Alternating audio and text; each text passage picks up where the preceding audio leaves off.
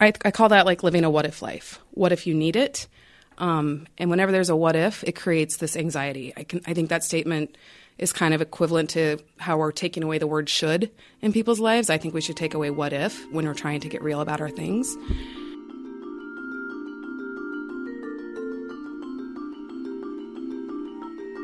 Laura Harrison is so much more than an organizer. The founder of Less Mess, More Life in San Francisco, she's a house whisperer who calms the chaos in your space by starting with your spirit. This isn't about buying a label maker or getting rid of everything you own. It's about living with less so that you can have the life you want. The episode kicks off with our producer Phil, eager to share his own journey of living with less. Just don't take away his Batman VHS tapes. I'm Elizabeth Dean, and this is Healers.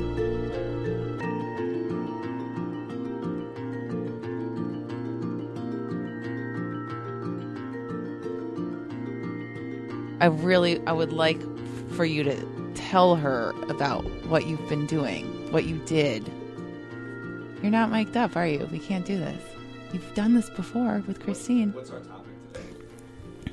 Living a life with less. Oh, minimalism. Yes. Yeah. It's it's Laura's version of minimalism.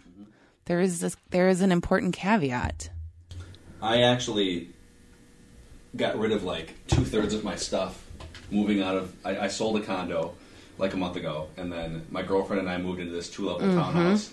I literally threw away like half my stuff, and then the other sort of fraction that I didn't want at the new place, I either sold it or gave it to Salvation Army or whatever. Just to And what motivated you to do that? Like what?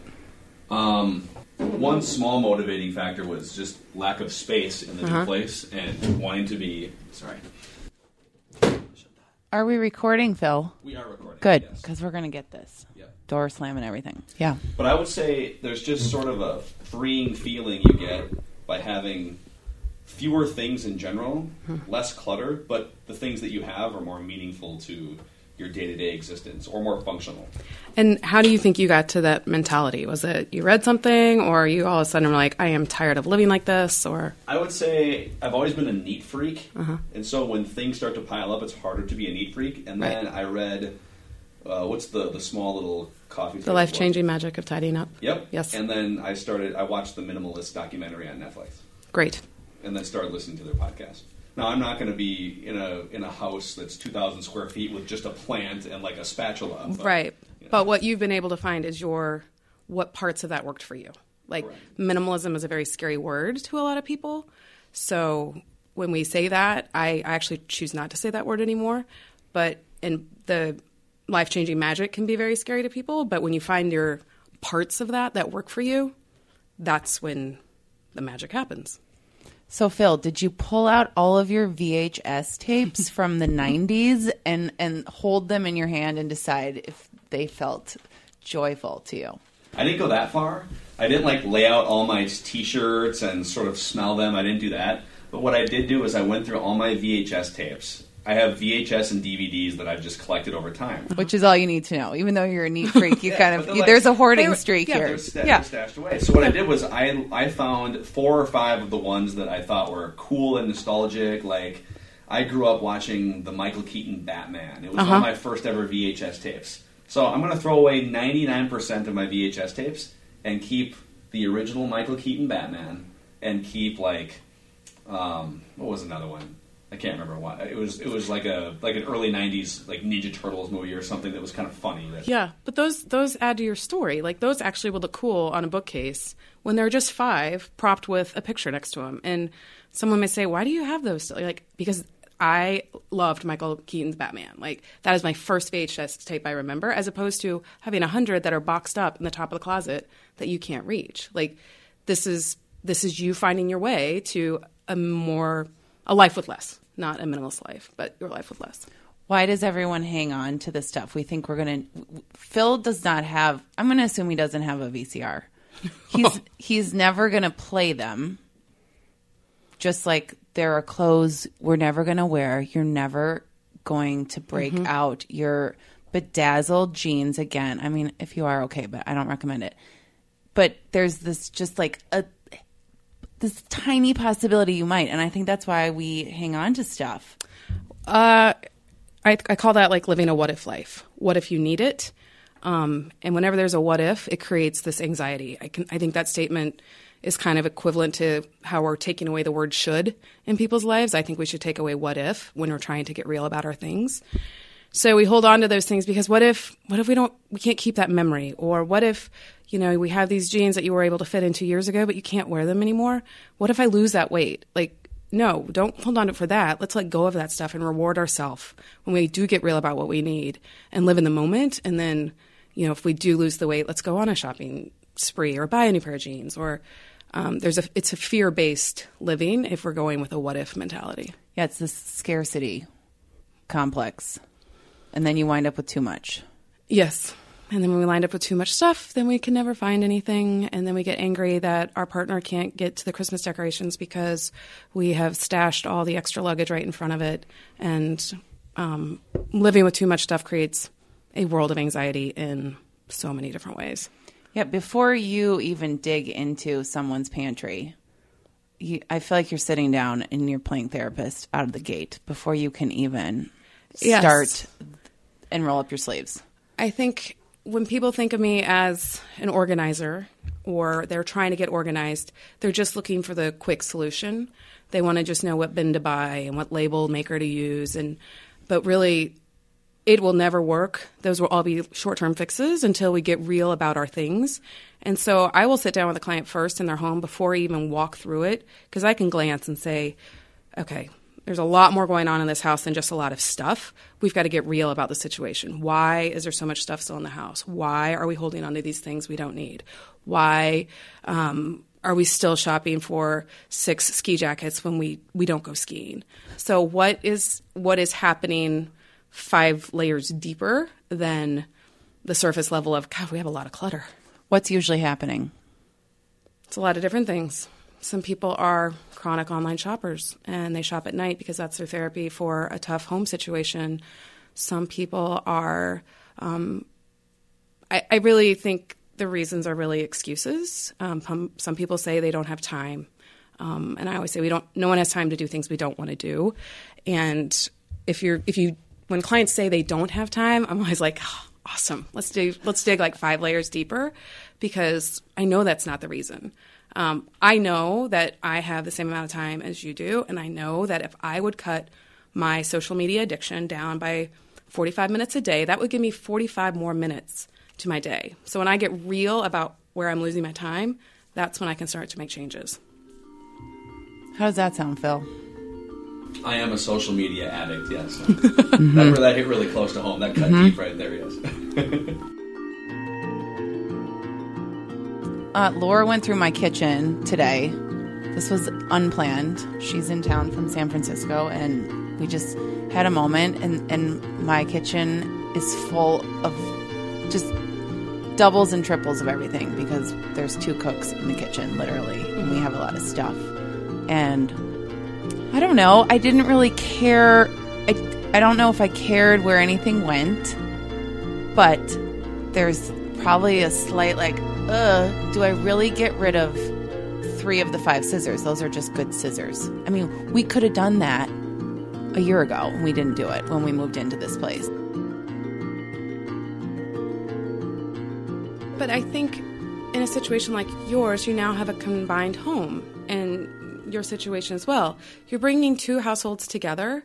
And when we just keep everything we have, and especially if you have this space, keep it all. But it's not allowing, it's not intentional living, right? We're just keeping these things because we have them. And why would we get rid of them? Well, personally, I I would get rid of them because that allows that one drawer to be much more organized. It let, allows your partner to know where things go. It allows, um, you know, space for another drawer, or you know what, leave that drawer totally empty. It's fine. People immediately want to fill a drawer, or if I'm like, I challenge you to leave it empty for one week, like, and see what happens. Then see what you need a space for, as opposed to everything being jammed and full. And then when something new comes in, you're just like, "Sh- I'll just shove it somewhere else. Like, get real about what you need and then yes you may need five pairs of scissors but What's so funny is that uh, I often can't find the scissors. I, I literally Well, thought we had one places. pair. But this is a metaphor for life. Right. You have to leave room for anything new or that you need or didn't even realize you wanted to come in. You're just we're just packing everything to the gills. especially when we have a lot of space. Um, And you deal with clients who have a lot of space. we deal with both. Okay. Um, you know, clients that are in tiny San Francisco homes that we've got to get really creative and really real about our things. We also deal with clients who have really large homes and they have so many options of where to put things that they actually can't find anything because they don't invest in putting those things in a smart place that the whole household now knows where it goes or the help that's in the house knows that, you know, the nanny knows that all the sippy cups go here and the bottles go there and it's not in three different places. Um, when we just live with what we need, it takes away the excess. It takes away this curiosity of, oh, I know I have another pair of those somewhere. Like, here's my pair of scissors. Great. You have enough. You have you have all you need. You have just what you need. How do we identify what we need?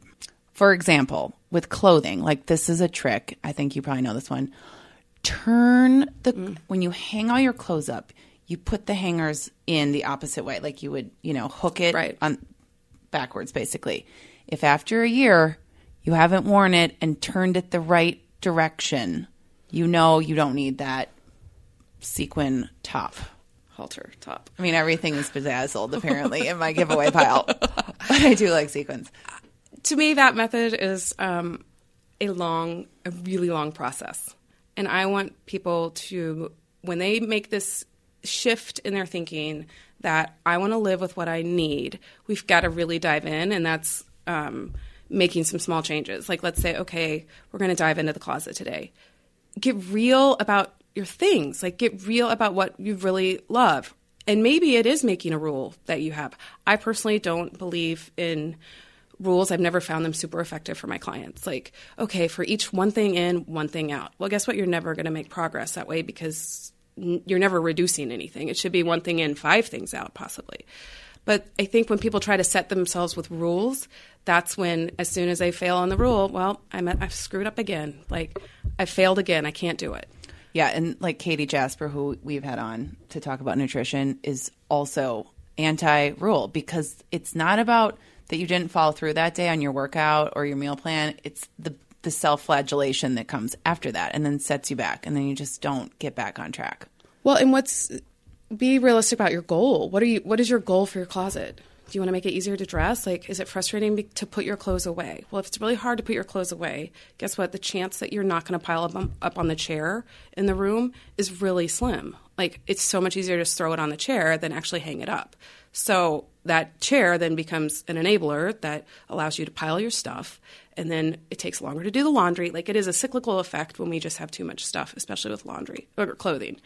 So when we want to get real about what's in our closet, um, I just say you've got to dive in. And maybe you need outside help. Maybe you need a stylist to come in and say, okay, we're going to do a closet edit for two hours. We're going to get real about what you need, and then we're going to come up with a plan to figure out what, what you're missing. If you can't do it on your own, that's okay.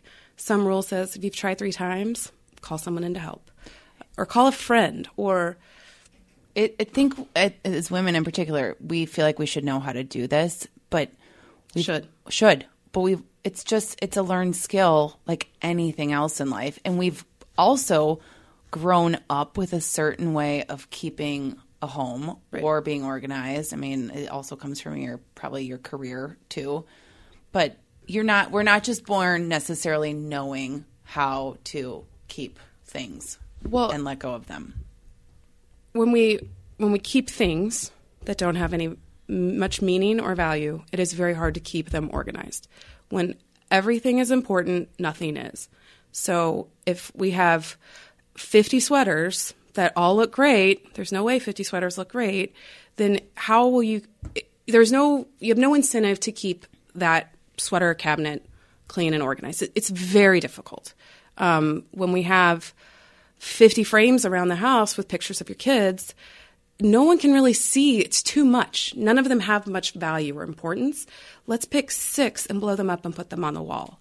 Like it's it's too much for anyone to really get a lot of joy from or feel fulfilled or um, Well, you value, you really value anything more if you have less of it. You take care of it differently. I mean, like a capsule wardrobe. I mean, every piece in that 30 piece wardrobe is important, it plays a part. And I, I feel like everyone can get there. There are parts of places that are harder to work on. People have a hard time working on their clothes. Then I say, well, then start with a linen closet. You know, start with somewhere there's no emotional value. It's not so personal. There's no emotional attachment. You could really come up with a formula for how many linens you need. Two sets of sheets per bed in the house, two sets of towels per person in the house, three extras for guests, or whatever formula you think you need. And then just- just edit out that uh, linen closet. Like start with that. Give yourself a little momentum and a little mini win. Pair, you know, start pairing those mini wins together, and then you've got a lot of momentum to like actually tackle your whole house. Um, when people bring in an organizer or someone to help, I always say let's start with somewhere that's going to feel you will feel the most immediate benefit.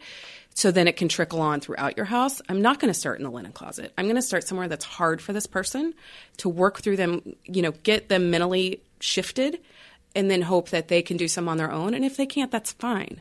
You know, bring in more help or talk to a, you know, call someone for some coaching, make a commitment with a friend saying, I'm going to get rid of this this much this week or something. Do people have a really hard time parting with things, even once you help them clear it out and they see the potential of a space? We all have watched hoarders. This is what I'm going back to. That like moment where you have there's the keep and the donate and the and the throwaway pile. Do you have those moments with people where you really have to talk them into finally parting with their things? For sure. For sure. The most effective clients I have are the ones who have made some sort of mental shift. They have reached this low point that they're like, I can't live like this anymore. I don't want to live like this anymore.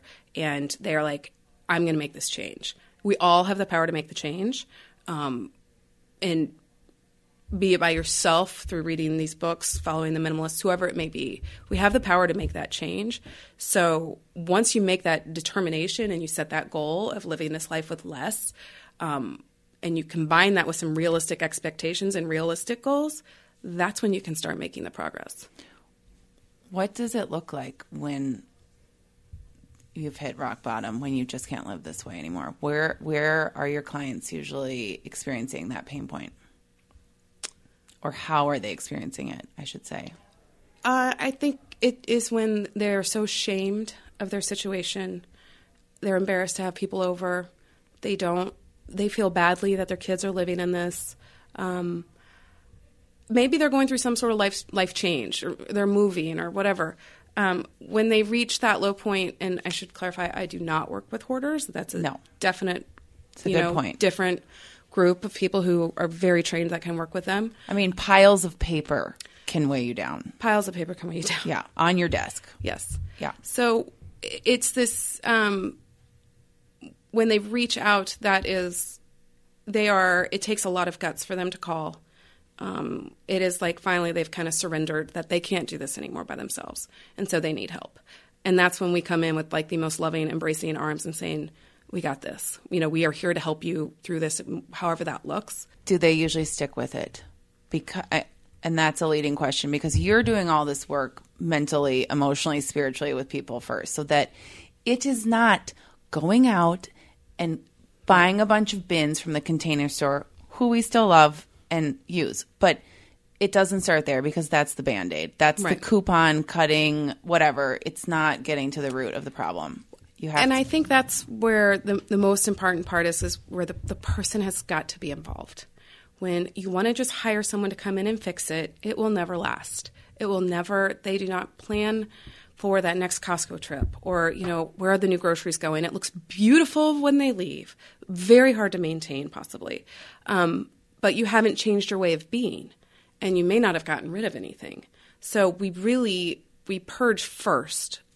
We just, you just have to purge. What are, okay, so what are some simple things, Laura, that we can, we can't all have you over to go through my three sets of tongs. Um, but really, but what are some simple things to do now just to sort of like try out this experience? And this is like we're saying, you can not you don't have to just dive in and gut your linen closet today. But what are there any kind of DIY techniques that that you love to just get people like kind of feeling more confident that they can go through this process of simplifying? I would say I, w- I take this back to Marie Kondo and the life changing magic of tidying up. I am grateful to her because she has brought an awareness to this situation that we are living with too much stuff, and she has empowered people to make that change. If there is anything you take from that book, then to me, that's a win. Um, if it is following someone like the minimalist, that's great. My favorite organizing product is a brown paper bag. Like, that is all you need. It costs no money. All you do is you need to fill it up. Fill up one bag today. Start today. Of stuff that you can donate or Of stuff recycle. that you can donate or recycle. Just fill it up. Put one in each room. Put a bin in each closet that says donate on it so everyone knows in the house that that's where the donate stuff goes. These things cost no money. Like the fir- the fir- the last thing I would ever recommend to get organized is to spend money. You have to make this mental change first and start doing the purging. And then you can start buying the pretty things and the labels and I love that. And we we know someone who keeps a donation bin at the at the back door. So it's mm-hmm. kind of like at the ready. If they sh- probably if she finds stuff like throughout the day, just collects it there. When it's full, then you take it. Right, but It's be a- sure to take it. Yeah, you have to take it. Make sure it's getting to Goodwill or Salvation Army or your local shelter because you need that that feeling of the win. That's a win when you drop off that box, that carload.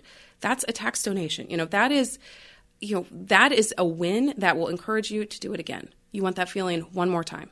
This time I'm going to take 3 bags, you know. Get it to the store, don't just let it pile up in the basement or the garage. Get it out to the place.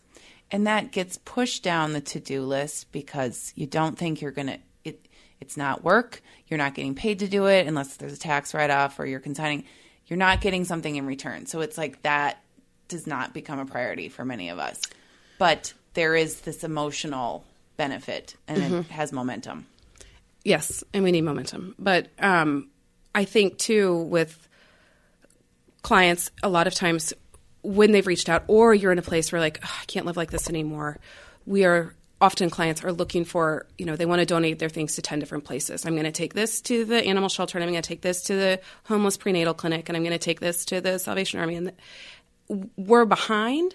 And so i say you know once you get to a place of you know even keel then you can start making those specific donation drop offs but until you get there it is one run to the goodwill or salvation army or stop using the excuses that you don't like what those people do with the product. You know, just just take it there one time if that's what you need.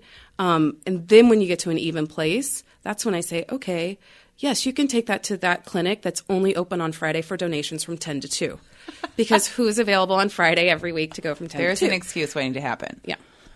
Also, correct me if I'm wrong.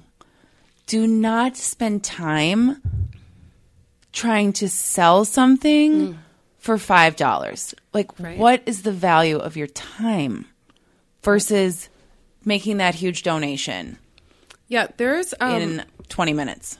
Right. And there is a resource, it's deductible.com, that actually adds value or gives you the dollar value for everything you donate. So a good pair of jeans is $20. Like you can say, I'm donating eight pairs of jeans, and you fill out the form online and it goes into your file or you PDF and you know take it with you. But that shows you the dollar value.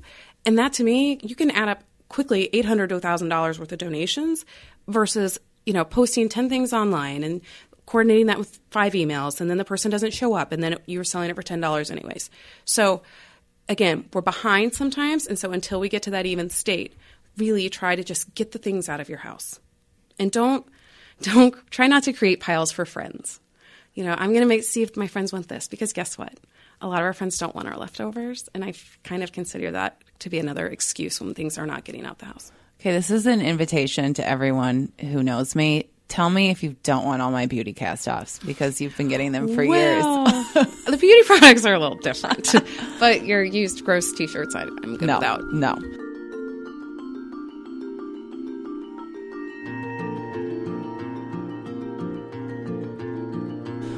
So I would be remiss in not talking about this.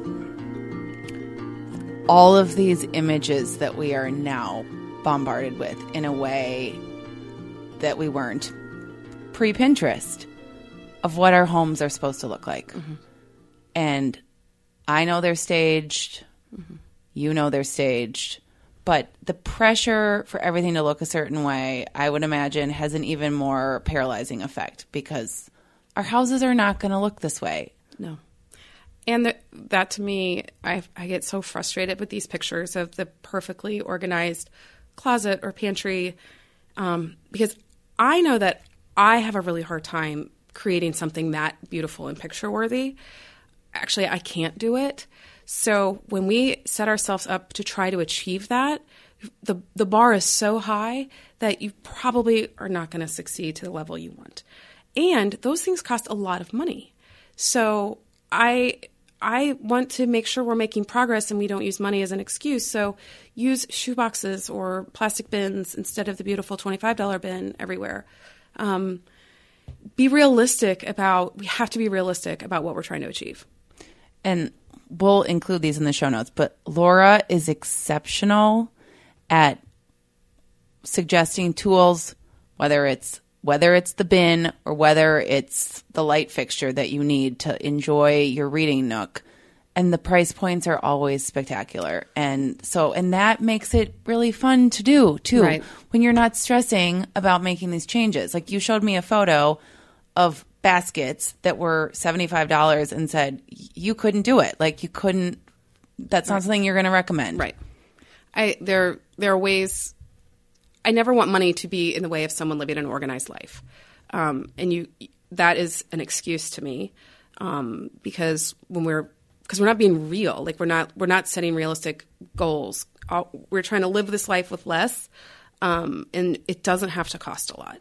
You know, if you are living with a rug that is old and stained, and you're like, well, I still have two young kids. Well, guess what? Target has great new rugs, or there are so many websites that things are so much more affordable. IKEA, whatever it may be, um, make that change because a new rug might be the incentive you need to keep that room clean or you know for your child to feel like they can't get down on the floor and play or you want to be on the floor and play with them.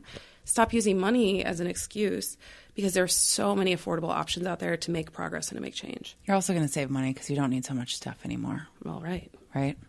we have less stuff to try to bin up.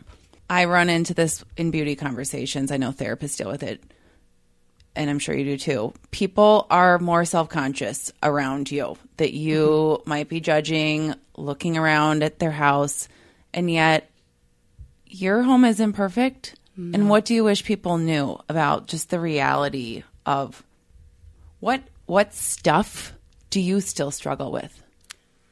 I hate to shop for clothing. And I have used this um, really to help my clients understand how we have got to make mental shifts to make some progress. I have hired personal stylists. They've come in and helped me with my closet. And I have hired two of them, and I went to hire the third, um, thinking, well, neither of them really got it, but maybe this third one will. And then I found I was like, wait a minute, what's the common denominator here? I was like, the common denominator is me. It is my mental, the way I think about my body and how it should look and how I should work out more and all of this should that it is uh, no, until I can make that mental belief and the confidence that I have in myself improved, there is no way any stylist can help me. I don't care how good you are. So the stylists I've worked with have been amazing. I'm sure they did a great job, but I still wasn't affected on the inside. I was not changed on the inside. So I think I was trying to buy the band aid solution and hoping that that would fix it all. Just like people trying to buy the beautiful bin, hoping that all the stuff shoved in a bin would now keep them organized. I was trying to buy that band aid, and now I know until I am confident or change this thinking or seek help to help me change this thinking, I will not make progress. It, it will. I will still be where I am in three months. These are throw pillows in my house. New throw pillows will fix everything. I will finally feel like my house is beautiful. It will never end. And the truth is, you're, you know, you're beautiful inside and out. but you have to, yes, you we are. all have we all have our our demons. We you do. know, people. Um, I I think because I'm not working, I w- I wasn't working on the internal stuff, and until I had not made that mental shift to like, this is great. What you have is amazing. Like, and people would look at me and say, "You're crazy." Just like people look at have me look at their house, and I'm like, "You have so much space in the house." And like, "You're crazy." I'm like, "You just have too much stuff. Like your mind isn't there." We don't see it. We don't see it. We we don't think we're enough. We don't think our space is enough. We don't Right. think our decor is enough. Well, we're comparing. We're comparing. it's a killer. It is a killer. killer. It's right up there with all should. in trouble when we compare. Our external environment directly impacts our internal state. And so when you're waking up in a really cluttered bedroom, that is that is starting your day in a chaotic way. You know, when it's really hard when the kids' closets are jammed full of clothes, it's really hard for them to get themselves dressed, for the nanny to get them dressed when you're going away for a weekend or for anyone to put the clothing away. So when we this external your external environment directly impacts your internal state. And in the reverse, your internal state directly impacts your external environment. So while a lot of times we want to start with the external, I really believe we've got to start with the internal, you know, their way of thinking to make the, the long term, in, you know, long lasting, effective solutions and changes to Right. our home. The our home so, sounds like it's um, I mean it's a window into what's going on Oh. internally, right? If it's if it's a mess, it's also a mess inside. Right. And when we can't, like, when you can't find something, when you can't find that permission slip or the lunch boxes or the, you know, backpacks, it creates these like spikes in anxiety. And you, for me, I snap at my child or I'm angry at my husband when actually that's, wasn't anything neither of them did. It was, I'm frustrated with my home or this closet's a mess. You know, it, it creates these, these unnecessary, I call them unnecessary spikes in anxiety that result in then you feel badly and these shame spirals of gosh if i had just cleaned out that closet then i want to yell at my kids and it's all connected Yeah, and it's I mean it's real. You you know how it feels to walk into a clean house. yes I mean, I try to make sure the house is picked up before we go on vacation because the worst feeling to me is walking in the door into that because it's over. The vacation is over. but i think too you know people want it to be a one-time fix you know they want that organizer or someone to come in and make it better i am constantly working in my home you know it is cleaning up every night it is donating stuff we take stuff to donate probably every week like it is constant I think that's important. It's okay to look at this as a process. It's okay to Right. start small. It's not even so much a process. I think Okay. getting yourself to the even state is a process, but maintaining that is a lifestyle. It's it is not just it is not a one-time fix. It is a constant way of thinking that we don't need this. Let's let it go. Keeping it up and maintaining it is it's a lifestyle. So I I dread I don't like dirt and mess, but I you know, I dread having to empty the dishwasher. I mean, I don't really want to make the bed. But when I started to th- look at that, I have a very neat partner and it's wonderful because and he has taught me that that space is just it's conducive to so many our, our emotional state is different. Mm-hmm. But I try not now I don't think of it as work, as a chore. Right. I think of it as something that I'm doing for myself.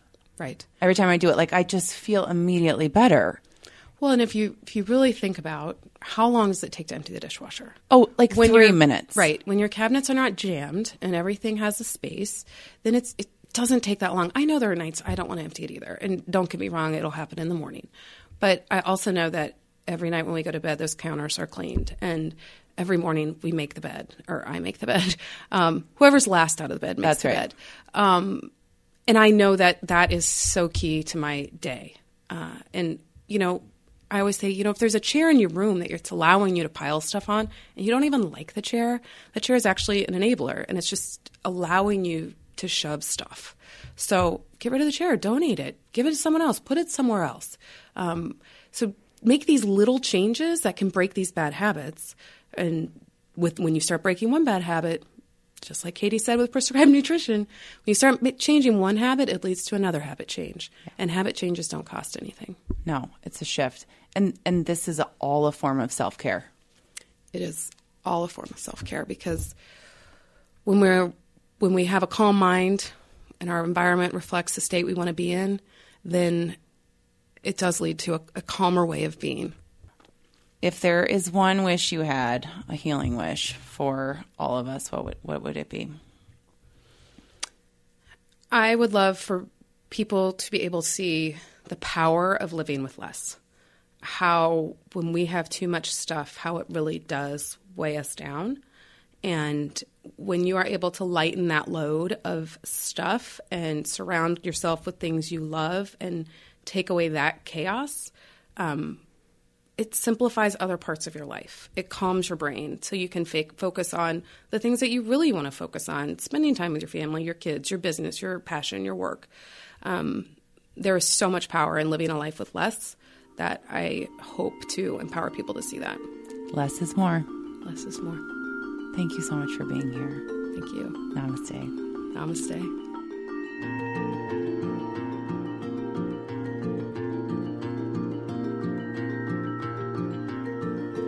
For notes from our show, visit healerswanted.com. If you love this episode, please subscribe to Healers using your podcast app or on iTunes. As always, five star ratings and positive reviews are welcome.